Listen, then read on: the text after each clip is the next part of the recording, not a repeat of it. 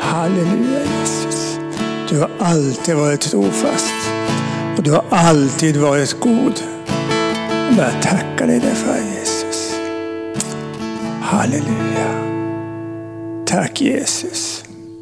Tack att du säger till var och en som sitter och lyssnar nu här, både på nätet och här i lokalen. Tack att du älskar oss alla med samma kärlek. Du är lika intresserad av att få vidröra oss, varenda en Herre, oavsett vart vi är. Mm. Och du vill så mycket i våra liv. Bara tacka dig att du är en god Gud, en mäktig Gud. En Gud som kan förändra, förvandla och förnya. En Gud som kallar på ting som inte finns som om de fanns. En Gud som har all makt i himmel, all makt på jorden. En Gud som har format oss till en avbild, som har skapat allt som finns. Både synligt och osynligt. Du är stor Herre. Du är mäktig. Du är oändlig. Och vi får vara dina barn. Vilken nåd. Vilken kärlek. Att vi får vara Guds, den högstes, egna barn. Genom älskade av dig. Mm. Halleluja. Tack att du vill undervisa oss och visa oss att, först, att vi förstår vad det egentligen innebär. Vad du egentligen vill med våra liv. Varför vi finns till. Vad livet handlar om. Tack helige Ande för din närvaro här ikväll. Amen. Halleluja. Kul att se er. Och ni på nätet också. Jag ser det ju inte, men jag ser ju ett, ett hål där i alla fall, i linsen där på kameran. Så jag förstår att du finns där någonstans. Jag har tänkt på några saker här. Jag vet inte om du har tänkt på det. Jag hoppas det. Jag skulle ställa en fråga till dig. Varför finns du till? Vet du det? Om man ställer en sån fråga till människor så får man väldigt många olika svar. Och det kan vara delsanningar man får. Men varför finns du egentligen till? Det är många människor ute i världen som ställer den frågan. Varför finns jag till? Vad tror ni? Ska vi ta en teologisk undervisning? Första Mosebok. Och så evangelierna och så breven. Nej, vi behöver inte det. Vet du att du finns till därför att Gud ville att du skulle finnas till. Så enkelt är det. Han ville dig. Han ville ha dig. Han ville ha dig också. Och dig. Och du som sitter på nätet, tittar på nätet. Han ville ha en familj helt enkelt. Vet Gud, han har alltid varit far.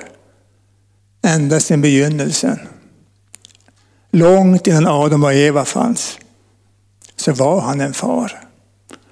Och är man far så vill man ju ha en familj, eller hur? Då vill man ju ha barn. Det ville Gud. Och därför sa han, låt oss skapa människor till vår avbild. Och vet, Gud han gör det han vill. Om han har bestämt någonting, då gör han det. Efter sin vilja. Det står på många ställen i Bibeln. Att Gud verkade och gjorde efter sin vilja. Det han hade bestämt, det gjorde han. Det är likadant med dig. Han ville att du skulle finnas till så han skulle få ha gemenskap med dig. Och därför han skapade dig. Han skapade inte dig för att han behövde dig. Oj, behövs jag inte? Nej, det gör det inte alls. Ja, men lite grann behöver han väl mig i alla fall. Jag är ju ute och vittnar och liksom, nej, han behöver det inte. Om han har behövt dig så har han kunnat skapa en robot eller någonting istället. Mycket effektivare. Nu skapar han dig därför att han ville ha dig. Han vill ha gemenskap med dig. Ingen robot, det kan man inte ha gemenskap med. Försök får du se. Men dig kan han ha gemenskap med. Och det är det han vill. Och det är hans, det är hans stora passion för dig, vision för dig också. Att ha gemenskap med dig. Och du säger, han var inte med. Vet du att, bra du ställde den frågan. För att det räcker. Om du ska försöka ha gemenskap och en relation med Gud så kommer det att ta hela din livslängd och hela evigheten kommer att ta dessutom innan du börjar lära känna vem Gud egentligen är. För det finns så otroligt mycket i Gud. Mycket gott i Gud, ska jag tillägga. Så nu vet du varför du finns till. Gud vill ha dig. Han vill ha gemenskap med dig. Men eh, Jesus då? Varför kom han till jorden? Har du tänkt på det? Kanske du har hört undervisas om titt som tätt. Vad sa de? Varför kom Jesus till jorden? Någon som vet det? Ingen. Nej, får jag väl berätta för dig då. Vet du att Gud ville ha en familj, sa vi. Han vill ha gemenskap. Det här har jag predikat tidigare, men det är genom upprepning man ska lära sig saker och ting. Han vill ha gemenskap. Och då visste han också, i och med det, eftersom han är allvetande, att det kommer att gå snett med mänskligheten. Han kommer att tappa sin familj. Därför kom Jesus. För att återupprätta familjen. Det är inte svårare än så. Och mellan de två sakerna har vi hela gamla testamentet. Som egentligen är en berättelsen om hur Gud förberedde sitt folk för att de skulle få tillbaka gemenskapen med Gud och han skulle få tillbaka gemenskapen med människorna. För att det är det som hela tiden låg på Faderns hjärta. Jag måste få tillbaka min familj. Vet, när Adam och Eva vände ryggen bildligt talat till Gud, då tappade de sina föräldrar, sin förälder. Alltså Gud är ju egentligen både manligt och kvinnligt som man kan säga sina föräldrar. Och de blev föräldralösa. Sedan dess har mänskligheten varit föräldralös. Och Jesus han säger i Johannes 14, jag ska inte lämna er föräldralösa. Ska komma till er igen. Därför att vi är människor, vi är skapade för gemenskap med Gud. Vi behöver en pappa. Det är det vi är skapade för att ha. Och en mamma också för den delen, men Gud innehåller båda delarna som vi sa.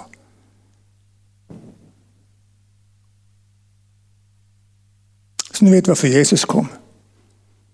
För att vi skulle få tillbaka gemenskapen med Gud. För att vi skulle kunna bli Guds barn igen. Och det här med att vara Guds barn. Det är ju liksom, det vet man, det får man ju höra när man blir frälst om inte annat. Även om man inte vet så mycket så får du höra, när du är ett Guds barn. Då kanske du också vet att du är ett Guds barn, men hur lever ett Guds barn? Hur är det att vara ett Guds barn, att leva som ett Guds barn? Du vet, det är en sak, nu ska jag säga, att veta här uppe i huvudet, är ett Guds barn. Det vet de flesta som, är, som tror på Jesus, som har Jesus i sitt hjärta. Det är en helt annan sak att leva som ett Guds barn. Att kunna vara rotad i erfarenheten att du är ett Guds barn och djupt älskad av Gud. Det är helt annat. Tyvärr är det inte så många, inte så många som lever så. De flesta de vet bara om det, men det blir inte så mycket mer. Det märks inte på dem, om man säger så. Jag ska ta och läsa ett ord ifrån Efesierbrevet. tror jag ska börja med. Det andra kapitlet och vers 6. Efesierbrevet 2 och vers 6. Det står så här. Ja, han har uppväckt oss, alltså Fadern har uppväckt oss med honom, alltså med Jesus. Och satt oss med honom, alltså med Jesus, i den himmelska världen i Kristus Jesus. Du är satt i den himmelska världen. När du blev ett Guds barn så satte Gud dig i den himmelska världen i Kristus Jesus. Och det här ordet i Kristus eller i Herren, det står över 150 gånger i Nya Testamentet. Väldigt viktigt ord med andra ord. Och vad betyder då det? Du är satt i Kristus Jesus. Vet du att Jesus, vart sitter han någonstans? Det står att han blev satt på Faderns högra sida, som maktens sida, högra sida, maktens sida. Där blev Jesus satt. Det står att han är en överste präst och han har satt sig. Det betyder alltså att offret är fullkomligt som han har gjort. Han behöver bara offra en gång för han har satt sig. De andra översteprästerna kunde aldrig, alltså de gick in och ut, in och ut i det allra heligaste varje år. Men fick aldrig sätta sig ner liksom och vila, nu är det fullbordat. Utan det var ett årligt offer. Men Jesus han gjorde ett enda offer, sen satte han sig ner. Det betyder alltså att han har fullbordat allting. Det behöver inte göras något mer. Allting är gjort. Han sitter på fars högra sida. Sen är du placerad i Kristus Jesus. Och vad kan det innebära? Det handlar helt enkelt om barnaskap. Att du är ett Guds barn. Du är alltså en del, du ska säga, du är en, väl, du är en del i Guds familj. Om du erbjuds att komma och vara i Kristus, att sitta i Kristus. Det är en inbjudan till Guds familj kan vi säga. Jesus han är ju Guds, alltså Faderns son. Han är sonen. Han sitter på fars högra sida. Han har fått all makt i himmel och på jorden, står det. Mig är given all makt. Det står i, eh, Första i Kolosserbrevet 1 och 19 att Gud lät all sin fullhet ta sin plats i Jesus. Det står att Jesus han är den som visar oss vem Fadern är. Jesus säger i eh, Matteus 11, han säger att ingen har sett sonen utom fadern. Så säger han, ingen har heller sett fadern utom sonen. Och den sonen vill uppenbara honom för. Och det är en del av vad Jesus gör här på jorden. Vad han gör, eller vad han gör i himlen just nu. Han vill uppenbara vem Fadern är för dig. Därför han satt, är du insatt i Jesus. Du är satt in i Jesus. Och Det betyder egentligen att Allting det Jesus står för, det han har, det har också du del av. Jesus han är din rättfärdighet, han har gjort dig rättfärdig. Det betyder att du är rättfärdig för han är rättfärdig. Jesus är helig, han är din helgelse. Det betyder att du är helig för att han är helig. Han är din återlösning, du är återlöst. Han är allt, allt det Jesus har. Det har du del av. Du är arvtagare, därför att Jesus är arvtagare. Det står att du ska dela arvet med Jesus. Du är välsignad med all den himmelska världens andliga välsignelse, allt som finns i himlen. All välsignelse som finns överhuvudtaget, den finns i Kristus. Och du är ju i Kristus, alltså är du välsignad med allt det där. Du är alltså inte vem som helst. Du är ingen nolla. Du är ingen som ska krypa efter väggarna liksom och fundera varför finns jag till? Och nu vet du varför du finns till. För att Gud vill ha dig. Han älskar dig och han vill ha gemenskap med dig. Det är därför du finns till.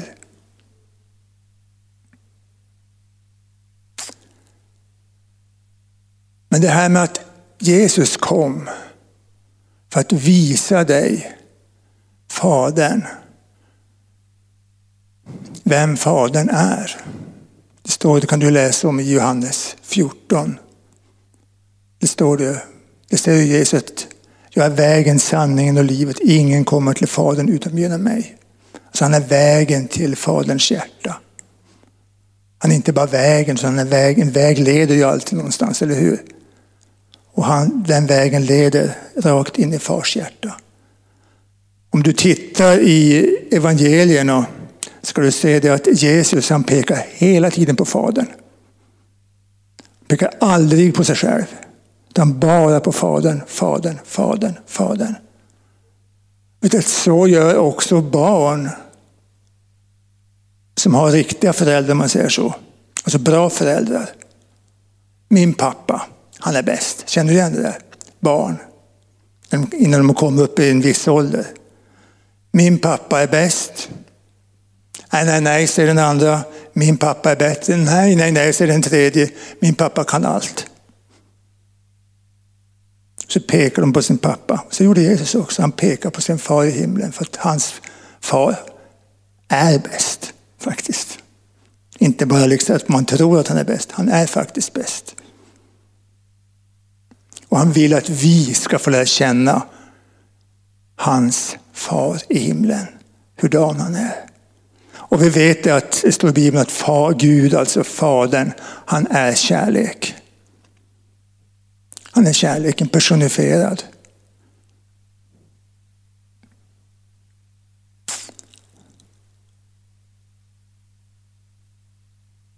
Vet du att varför älskar Gud dig då? Det kan man också få många svar på. Varför älskar Fadern dig? Eller gör han det?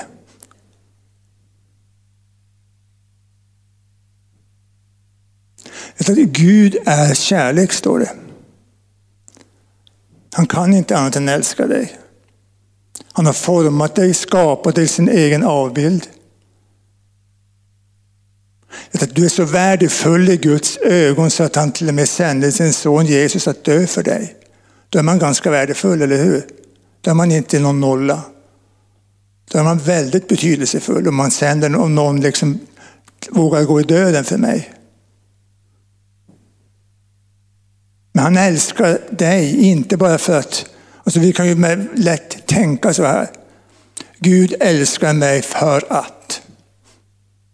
Det finns väl alltid någon orsak till att han älskar mig.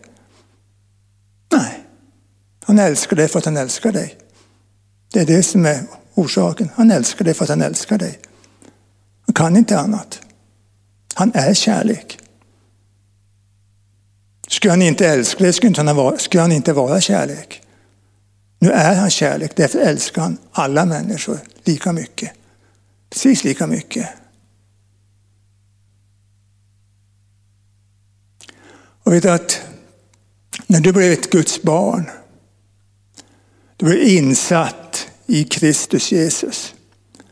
Du var alltså satt på fars högra sida. i himlen. Det betyder i praktiken att du har kommit hem. Du kom hem. Var då? Till Guds familj. Du tillhör Guds familj nu.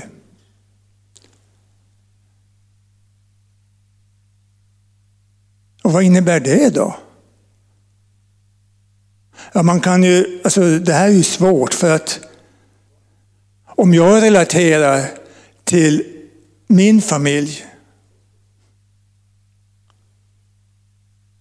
till min pappa och min mamma. Det var väl, jag, tyckte jag hade en väldigt bra uppväxt. Men det kanske inte du har haft. Din familj kanske var någonting helt annat.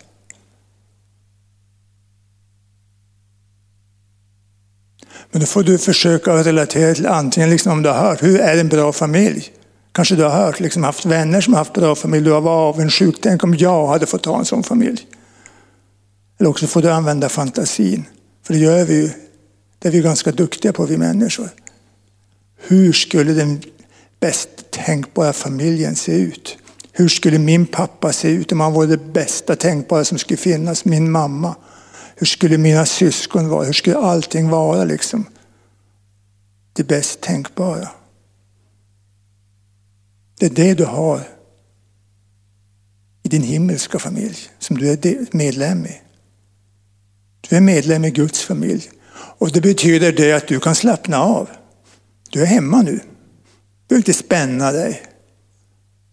Tänk om jag inte duger. Vet att de, ord, de tankarna finns inte ens i Guds hjärta. Vi sa, han älskar ju dig. Du har Guds rättfärdighet, du har Jesu rättfärdighet. Du är godkänd, alltid godkänd. Men inte nog med det. När du sitter i Kristus Jesus så har du samma gemenskap med Fadern som vad Jesus har. För att du är i Kristus. Du har samma gemenskap med den helige Ande som Jesus har. Det betyder att treenigheten, vet ni, alltså Fader, Son och helig Ande, som är den mest ultimata gemenskapen, alltså den mest fantastiska gemenskapen man kan tänka sig. Det finns ju inga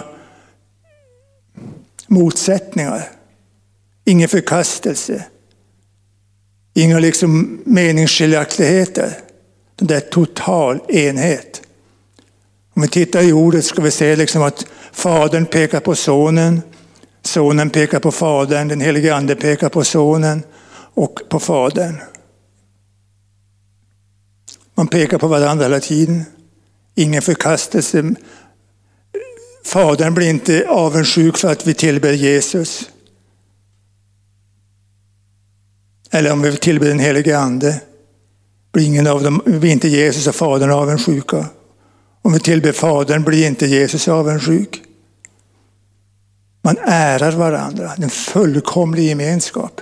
I den gemenskapen är du inbjuden.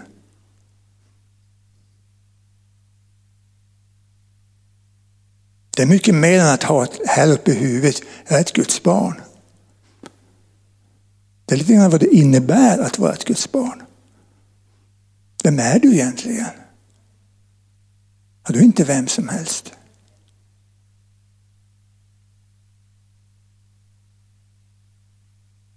Om vi ska titta eh, på i Romarbrevet finns det ett väldigt bra, ett bra kapitel. Det finns många bra kapitel i Romarbrevet. Vi ska läsa några verser från åttonde kapitlet.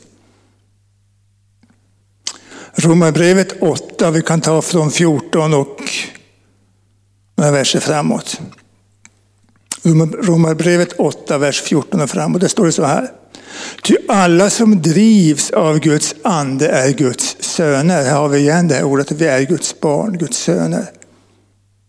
Alltså, och då när det står söner så vet vi att det är både döttrar och söner. Så står det så här, ni har inte fått slaveriets ande så att ni på nytt skulle leva i fruktan. Nej, ni har fått barnaskapets ande i vilken vi ropar Abba, fader eller pappa, pappa. Anden själv, alltså den helige ande, vittnar med vår ande, eller egentligen kan man översätta det till vittnar till vår ande. Det är lättare att förstå då. Alltså han berättar för vår ande, människans ande, att vi är, vad då? Guds barn. Det är alltså andens uppgift. Att berätta att du är Guds barn. Så står det men är vi barn är vi också arvingar. Guds arvingar och Kristi medarvingar. Och jag sa, alltså vi delar arvet med Kristus. Lika visst som vi lider med honom för att också bli förhärligade med honom. Vet du, det här var, det står så här, den som drivs av Guds ande, men kan man lika gärna översätta den som leds av Guds ande.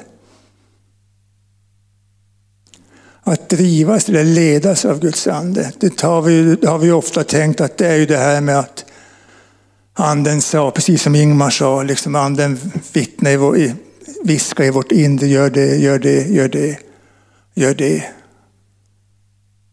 Det är det vi liksom ofta tänker på när vi säger att vi ska vara ledda av den helige ande. Men vad står det här? Alla som leds av Guds ande är Guds söner. Och sen står det liksom vad Guds ande gör. Han säger så här att ni har inte fått slaveriets ande för det första. Så helige ande är inte slaveriets ande. Vad är slaveriets ande då? Och det är den ande som är verksam i världen, alltså denna världens första, denna världens ande. Det är ju slaveri. Människor i världen tror ju att de är fria, eller hur? Jag är så fri, jag gör vad jag vill. Haha, trodde du ja. Du är inte alls vad du vill. Du är inte någonting som du vill. Utan det är denna världens ande som driver dig att göra saker och ting. Du tror att du gör det du vill, men du gör inte det du vill. För du gör det andemakten, alltså det är denna världens första vill du ska göra. Men det är inte den anden vi har fått. De har fått barnaskapets ande. Och vad är det då? I vilka vi ropar pappa, pappa. Ja, men det är något helt annat, va? eller hur? Det är ju ett barn. Då. Tänk dig ett barn, ett litet barn. Ropar pappa, pappa. Ja, men jag är väl inget barn, jag är ju vuxen nu. Skärp dig. Kommer du här och säger att jag är ett litet barn, jag är ju vuxen. Då kan man inte liksom gå sådär liksom, som, ett pappa, som ett barn, liksom pappa, pappa. Pappa jag vill ha det, pappa jag vill ha det, pappa, pappa. Men vänta nu, vem var det som ropade Abba fader? Var det du eller var det den helige ande? Det var den helige ande som ropade Abba fader i din ande. Alltså han som ropar och dina vägnar pappa, pappa. Du är ett Guds barn. Och vet att det här pappa, pappa är intima. Det är det mest intima, jag har sagt några gånger, men kan upprepa det. Det mest intima språk man kan ha om sina föräldrar. Alltså det motsvarar ungefär om du tänker ett litet barn. Så ett litet barn som kommer liksom och springer. Kommer, du kommer hem från jobbet och det kommer mot dig springande liksom upp i famnen. Pappa, pappa. Slår armarna om halsen på dig, pussar dig på kinden. Jag älskar dig, jag älskar dig.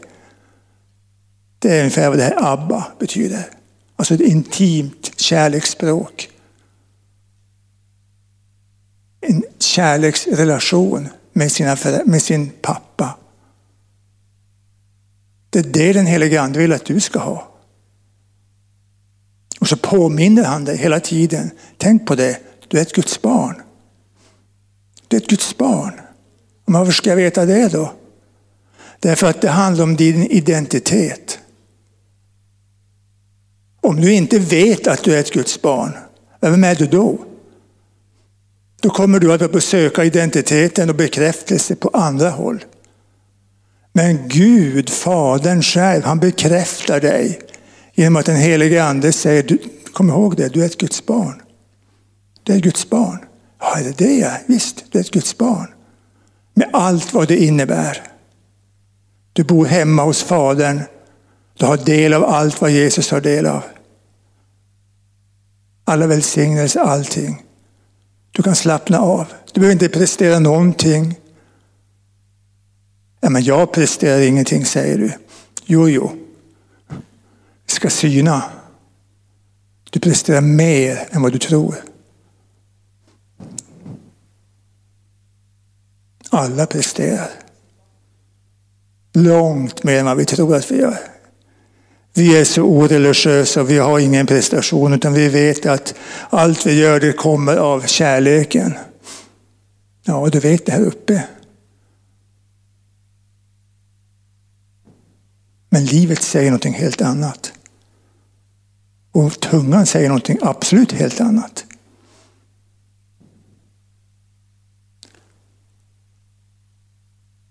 Jag skulle påstå att vi är väldigt duktiga prestationsmänniskor. Men det vill inte Gud vi ska vara. Det behöver vi inte vara. Du är hemma i Guds familj. Och han vill ju ha dig för att han vill ha gemenskap. Han vill inte ha dig för att du ska göra en massa saker. Gör, gör det, gör det, gör det. Var springpojke till mig. Gör det, gör det, gör det, gör det, gör det. Inte därför han skapar dig. De bitarna är jättebra. Jag säger inte att vi inte ska finna, vi ska tjäna Gud, vi ska göra massvis med saker. Men inte det som är det viktigaste. Det viktigaste är kärleksrelationen. Att du är ett Guds barn. Att du lever, lär dig att leva som ett Guds barn. Med, det, med de egenskaper som ett barn har. Och vad är det då? Det är ju inte det här barnsliga som barnet har i första hand. Det är inte det som när Jesus säger att ta fram ett barn och säga att om man inte blir som ett Guds barn så kommer inte in i Guds rike. Det är inte det barnsliga han tänker på då, utan det är ju tilliten. Vem är Gud? Jag litar på dig pappa. Jag har tillit till dig. Precis som ett barn har full tillit till sina föräldrar. Och i alla fall upp till en viss ålder. Full tillit. Och Det är så vi får ha. Det är det Jesus pekar på. Du kan ha full tillit till din pappa i himlen. Jesus pekar hela tiden på sin pappa i himlen.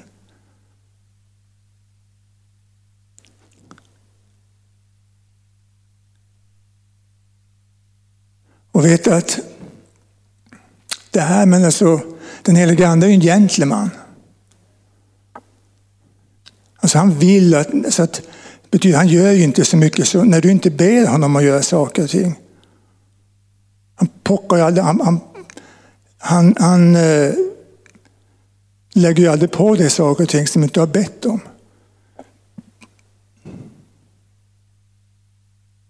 Som det här med att berätta för dig att Guds barn till exempel.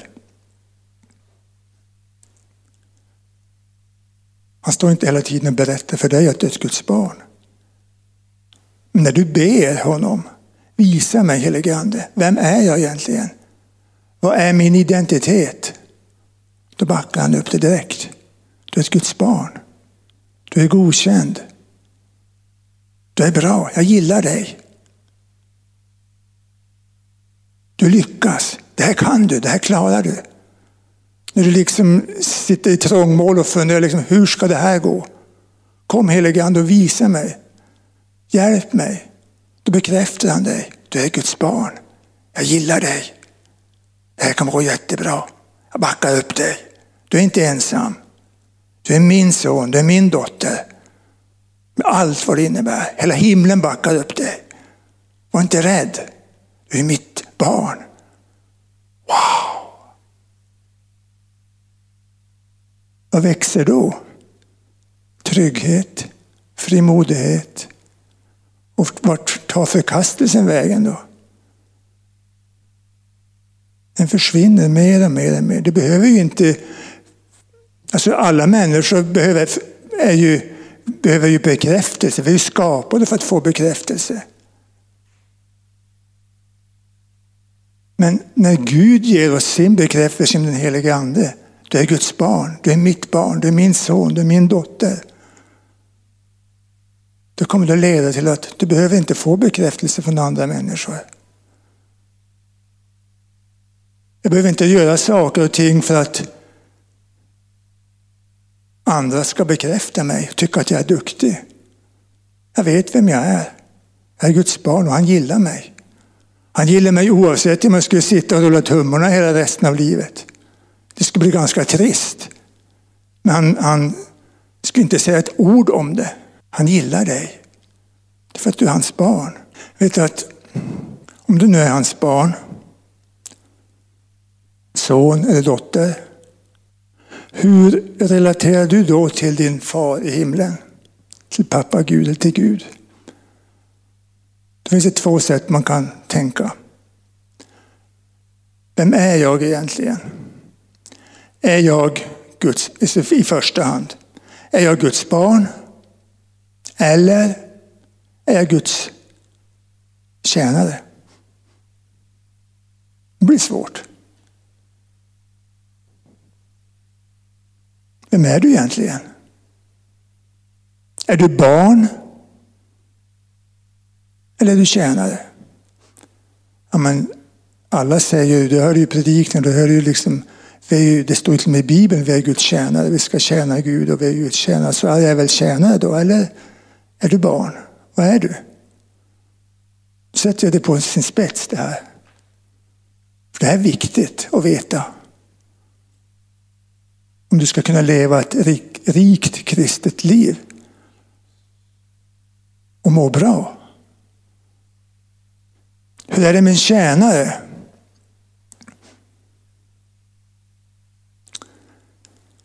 Eh, när jag, jag, är barn, alltså min mamma hon lever inte längre, men när jag var hemma, när jag hade precis kommit hit till bibelskolan, jag var 45 år då.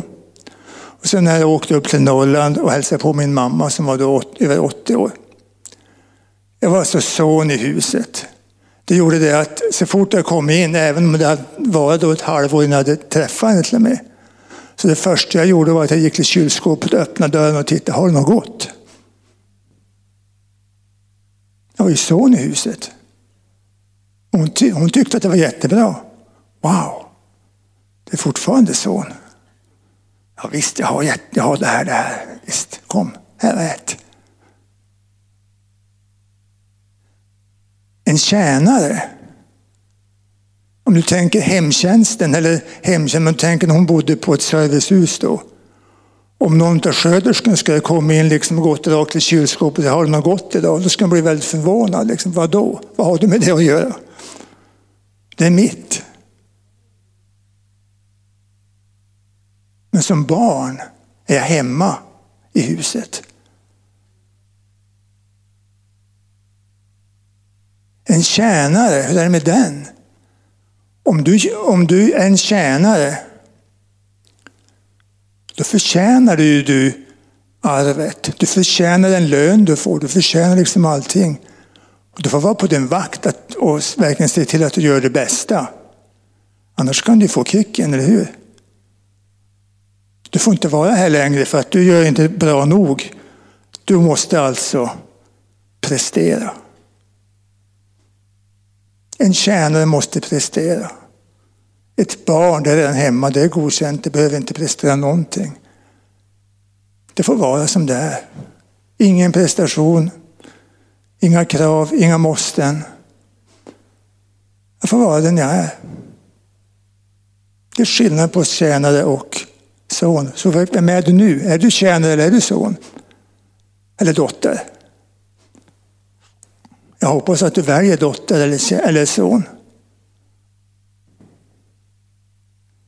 Det är allt för många som faktiskt är tjänare. Och vad händer då? Det som händer i livet, det är att allting börjar på kretsa kring dig själv. Du måste ganska mycket, du måste prestera, du måste, det blir prestation. Och till sist blir det, så blir det religion av det hela. Nej men så är inte jag, säger du. Nej, är du inte. Ända tills vi går ut ska vi samtala, ska vi höra vad du säger, hur du talar. Det låter, man hör det väldigt tydligt. Predikanter, men de är väl i alla fall Guds barn. Är de? Ja, det är de, men alltså vet de om det? Lever de så? Det är inte alls ovanligt att du har predikanter som inte alls har barnaskapet i sig. Det handlar om måste, ska, göra, tjäna. Se till att du vittnar, se till att du gör det, se till att du gör det. Är det på arbetsplatsen, se till att du gör det, se till att du gör det. Och sen slutar man med, kommer man på visst. Eh, men tänk på det, säger man då. Att det är kärleken som ska vara drivkraften. Ser man som en passus på slutet. Ja. Men vad var det man sa hela tiden? Man talar ju från en tjänareperspektiv hela tiden. Det är det man har talat om. Och vad gör det i mitt liv? Och jag får dåligt samvete som sitter och lyssnar. Ja, just det, jag kan ju inte det, jag har inte gjort det, jag kan ju inte det. Visst, det är ju så. Och så sen säger man, säger, när man då avslutar säger att men tänk på att det är kärleken som är drivkraften. Då kommer du ju också, ja just ja, och jag har ju inte kärleken heller, så jag har ju ingenting. Då får du så dåligt samvete för det.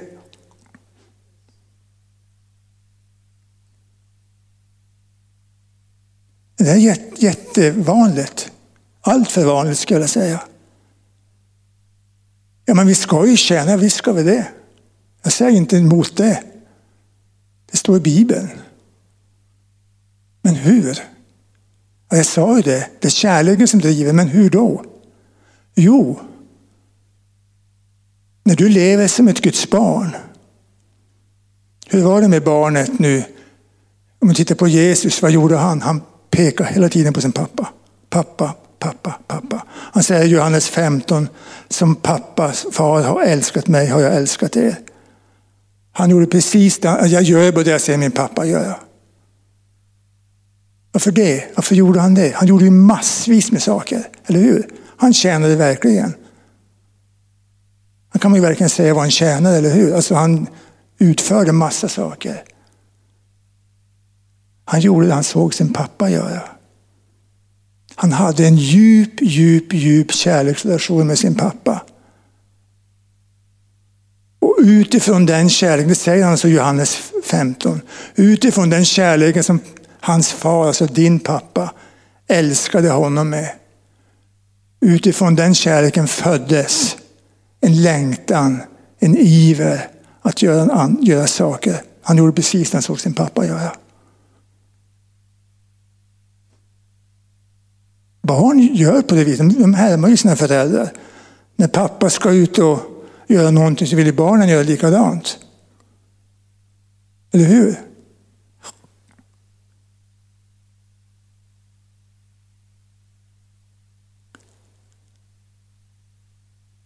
Det är ju det som är grunden till att vi gör saker och ting i Guds rike. Att Gud får älska oss. Kärleken, vi återkommer till kärleken. Därför att det är det viktigaste som finns. Och nu säger du liksom, och du börjar prata om kärlek, kärlek, kärlek, kärlek. Och det kan bli urvattnat tyvärr, ordet kärlek. Men det är det viktigaste ordet i hela Bibeln. För Gud är kärlek. Och vet att det, det finns ett ord i, jag tror att det är Jesaja, eh, som jag hela tiden tycker är ett fantastiskt ord. Och det står om vägen, alltså den här vägen, den kristna vägen. Det står att även, i gamla översättningen stod det, även den fåkunnige ska kunna vandra den här vägen. Det betyder att det inte är svårt.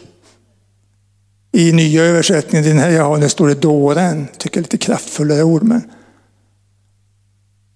ska kunna vandra den här vägen. Det är inte svårt med andra ord. Gud har aldrig gjort det svårt för oss. Och det är därför att allting handlar om kärlek. Punkt slut. Så jag skulle kunna sammanfatta den här predikan med kärlek. Därför att kärleken är en substans som förvandlar dig. Den helar dig. Kärleken är en substans som fortplantas. Alltså om Gud får älska dig så kommer du, om du vill det eller inte, att älska tillbaka. Och du kommer att älska dina medsyskon. Det ser man så väl när man tittar på det här med när vi har haft andutgjutelse här i församlingen. Jag minns när jag kom hit eh, 98, det var en kraftfull andutgjutelse. När man liksom blir uppfylld av kärleken från den helige Ande. Så alla människor gillar man ju. Alltså man, man älskar ju varenda en. Precis varenda. Man kunde ju umgås och gå och krama varenda en. Så det var ju liksom inga, vadå, inga konstigheter. Så funkar kärleken. Och kärleken, vad, har, vad vill den då? Kärleken vill göra saker och ting för sin nästa, den den älskar. Alltså om jag älskar dig Ingmar så vill jag göra saker och ting för dig. Jag kan inte bara säga Ingmar, jag älskar dig och sen lämnar jag dig. Utan, vad, vill du, vad, vad, vill du jag ska, vad kan jag göra för dig? Det är så Jesus gjorde. Han sa hela tiden, kom till folket, så, vad vill du jag ska göra för dig? Det var ju kärlekens språk. Vad vill du jag ska göra för dig? Och den kärleken, det är ju det, det som är drivkraften till allt vi gör. Eller som det står i Johannes 15, det står om att vi bär frukt. Hur då? Om vi förblir i Jesus och hans ord förblir i oss. Att förbli i Jesus. Om du, om du går igenom hela Johannes 15 och titta, bena ut de här orden, för det kan vara det är lite svårskrivet nästan. Men du skulle se att det där ordet förbli i Jesus, det betyder låt Jesus kärlek älska dig. Tillåt honom att älska dig. Det är inte ens någonting du behöver göra. Jag behöver inte försöka prestera någonting, att jag ska älska Jesus. Nej, det behöver inte ens det. Det enda jag behöver är öppna, kom helige Ande, kom Jesus, kom och älska mig. Kom pappa och älska mig. Det är det det handlar om. Den kärleken förvandlar ditt liv så att du bär frukt. Och ju mer du tillåter Fadern att älska dig genom den helige Ande, desto mer frukt kommer du att bära. Jag hörde en, det var en evangelist en gång som, som var här, som predikade. Det var jättebra predikan. Men det var väldigt mycket som, precis som när evangelister predikar, blir det mycket. Vi ska, vi ska gå ut, vi ska göra, vi ska, vi ska. Så var det förbön. Och jag bad och både, förberedde och bad för några. Och då märkte jag en intressant sak. De här människorna som satt nere bland åhörarna som var evangelister, alltså som verkligen visste, gick ut och gjorde de här sakerna. De kom fram och jag har så dåligt samvete, sa de. Jag får så dåligt samvete för jag borde göra så mycket. Jag vet ju, jag skulle ha gjort mycket, mycket, mycket mer. Det var frukten av predikan. De andra gick det förmodligen obemärkt förbi. Men jag kan aldrig alltså genom att säga du ska göra saker och ting nu gör du det här, nu predika att du ska göra någonting. Det kan inte jag göra. Vi kan inte alltså prata med varandra och få någon att göra någonting utan att det blir prestation. Men predikar jag kärlek som är Guds liv så kommer det att bli saker och ting. Då kommer vi att gå ut och, berätta. Jag vågar påstå att om du skulle sitta två veckor med Jesus Sätt dig ner, liksom, läs Bibeln, lyssna på härlig lovsång och bara umgås med Jesus i två veckors tid, nonstop. Så är inte du densamme. Munnen kommer att gå, du kommer, så fort du träffar människor kommer du att berätta om Jesus. Det blir precis som jag berättade om när jag liksom satt och bad en gång. Jag hade fick uppdrag från Herren att be, be, be, be, be. Så, så ringde telefonen när jag satt och bad. Och så svarade jag Jesus, Ja, det var att hjärtat var fullt av det. Och så blir det när man umgås med Herren. Då blir hjärtat så fullt av honom man vill, bara, man vill bara ut, man vill bara göra saker och ting för honom. Att det bästa sättet att få, få människor liksom att göra, om du vill att de ska göra saker och ting, det är att predika kärlek. Kärleken från Gud. Då kommer det att ske. För Gud har ingen prestation. I Gud finns ingen prestation. I Gud finns inga krav, inga måsten. Utan det finns bara kärlek, frihet. Och han vill sätta dig fri. Och vad, är det, vad, är det, vad vill han sätta dig fri till? För det kan vi också prata om mycket. Alltså hur jag är så fri. Den frihet Bibeln talar om, det är friheten att kunna göra det Gud vill vi ska göra. Alltså att vandra med Gud och göra Guds gärningar. Det är det som är friheten. Men vi ska göra det i kärleken. Det är den som är drivkraften. Och vet att när kärleken är drivkraften, då är det inte så tungt saker och ting. Då tänker jag inte så mycket på vad jag gör. Jag vill bara. Jag minns när, alltså, när, när jag, alltså, det här med att be kan vi ta om ett exempel. Det kan ju vara tungt. Alltså, om, du, om du får, om jag säger till dig, Ingmar, jag vet inte hur, vilken, hur mycket du länge du brukar be, om jag säger till dig, Eh, jag vill att du ska be i två timmar nonstop nu för det här bönämnet. Du gör det säkert, men du tycker att det är ganska tungt. Två timmar, det är ganska lång tid. Att sitta och be och be och be och be och be. Ja. De flesta kanske klarar fem minuter. Sen är man trött. Sen kanske man somnar efter tio minuter. Inget fel i det. Men jag minns bara så, som ett exempel när Herren manar mig att be för en sak. För att jag var så där så fem, tio minuter sen sov jag. Helt plötsligt så satt jag och bad alltså fyra, fem timmar i sträck. Och var fullt pigg. Wow! Och himlen öppnades liksom och man såg mycket det profetiska. Alltså, det höll på ett års tid. Sen sa Herren, nu har det bett klart, nu, nu är det bra. Då försökte jag be igen. sådär. Det kom en av liksom ren bara rutin satte jag mig ner och började på. Efter fem minuter så, så orkade jag inte mer. Jag fick kraft och vishet att göra det. Och det var inte jobbigt. Jag, jag, visste inte ens, I början tänkte jag inte ens på att det var Herren som hade kallat mig. Jag tycker att det där har jag väl kommit på själv. Men jag såg det liksom i efterhand. Förstår jag, men det är just det var du som kallade mig till det där. Och han verkar i din vilja för att hans goda vilja ska ske. Det är så det funkar, kärleken.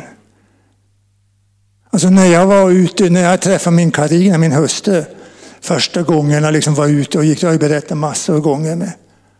Det kan någon på nätet som inte har hört det. Alltså jag var ju helt förälskad i henne, precis som Jesus säger dig. Vilket betydde att när vi gick förbi ett skyltfönster och hon tittade på, stannade av och tittade på någonting. Vill du ha det där? Ja, men alltså, ja, men vi går och köper det. Det var ju inte för att hon ville, alltså det var ju bara att jag ville ju bara.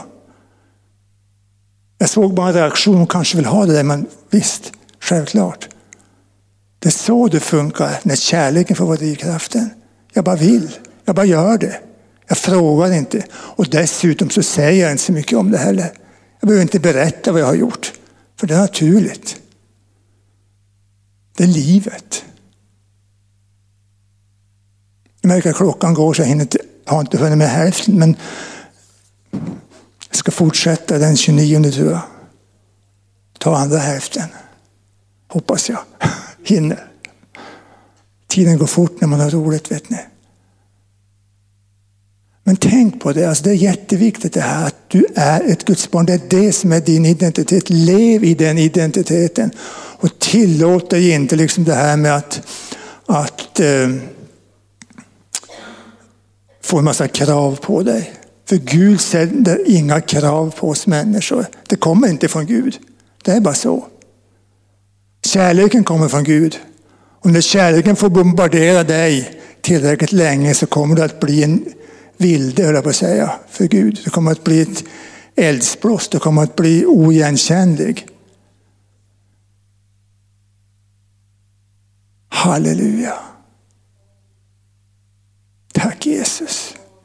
Jag bara tackar dig Herre, för att du älskar oss med sån gränslös kärlek. Åh, jag bara prisar Jag har så mycket jag skulle vilja säga, men jag hinner inte säga det. Oj, oj, Guds kärlek, vet ni, det är någonting fantastiskt.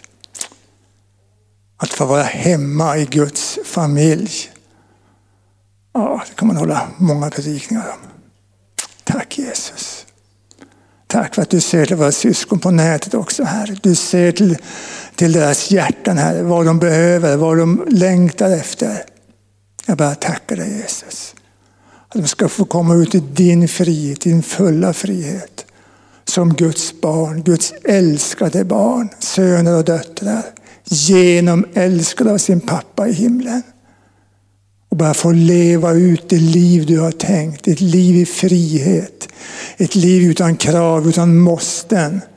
Men ett liv som är värt att leva. Ett liv där man kan, som, som verkligen kan blomstra hur mycket som helst. När vi tillåter dig Herre att bara älska oss, älska oss och älska oss. Och berätta för oss vilka vi är egentligen.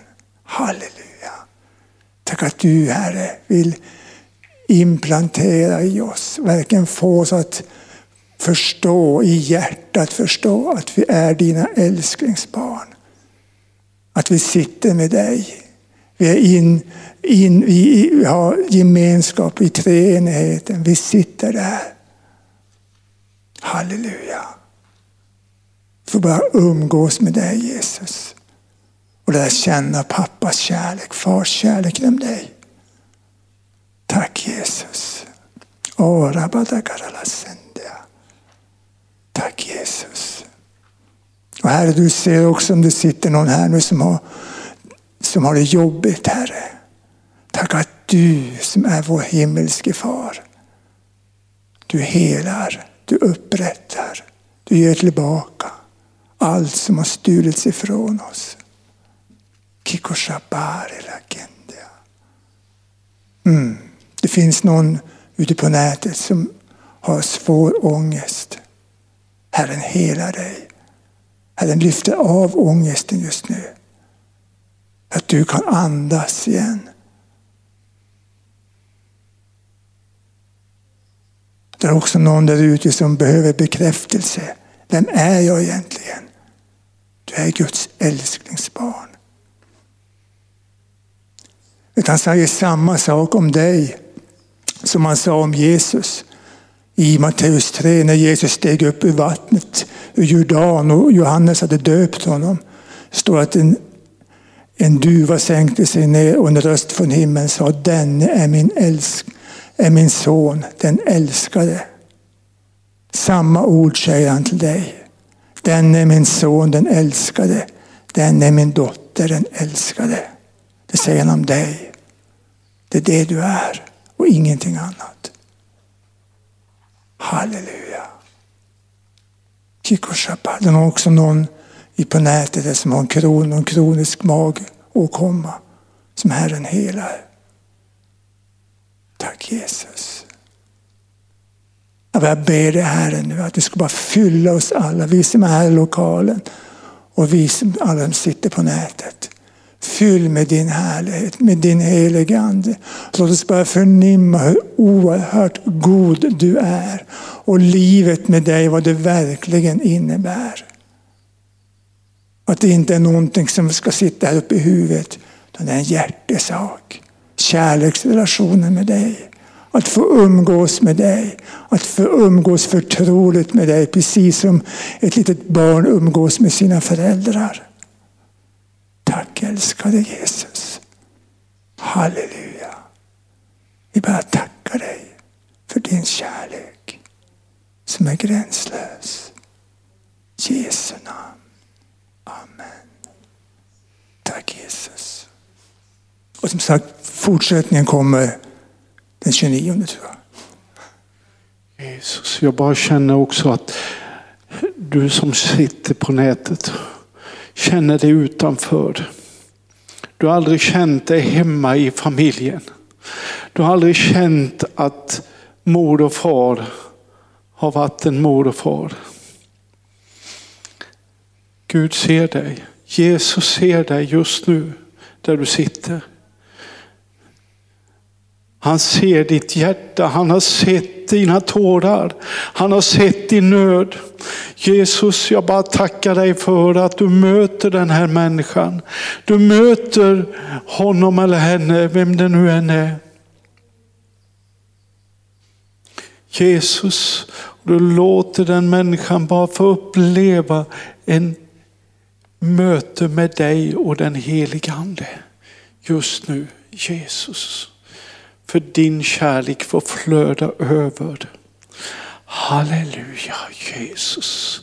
Halleluja. Brastolokaria Grantania. Halleluja.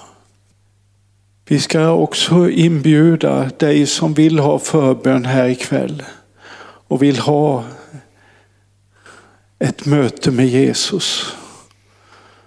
Så är du välkommen fram och vi ska be för dig.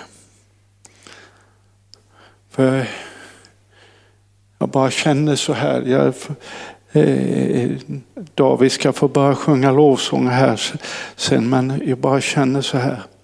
Hans kärlek är gränslös, hans nåd är oändlig, hans kraft ingen människa utforskat än.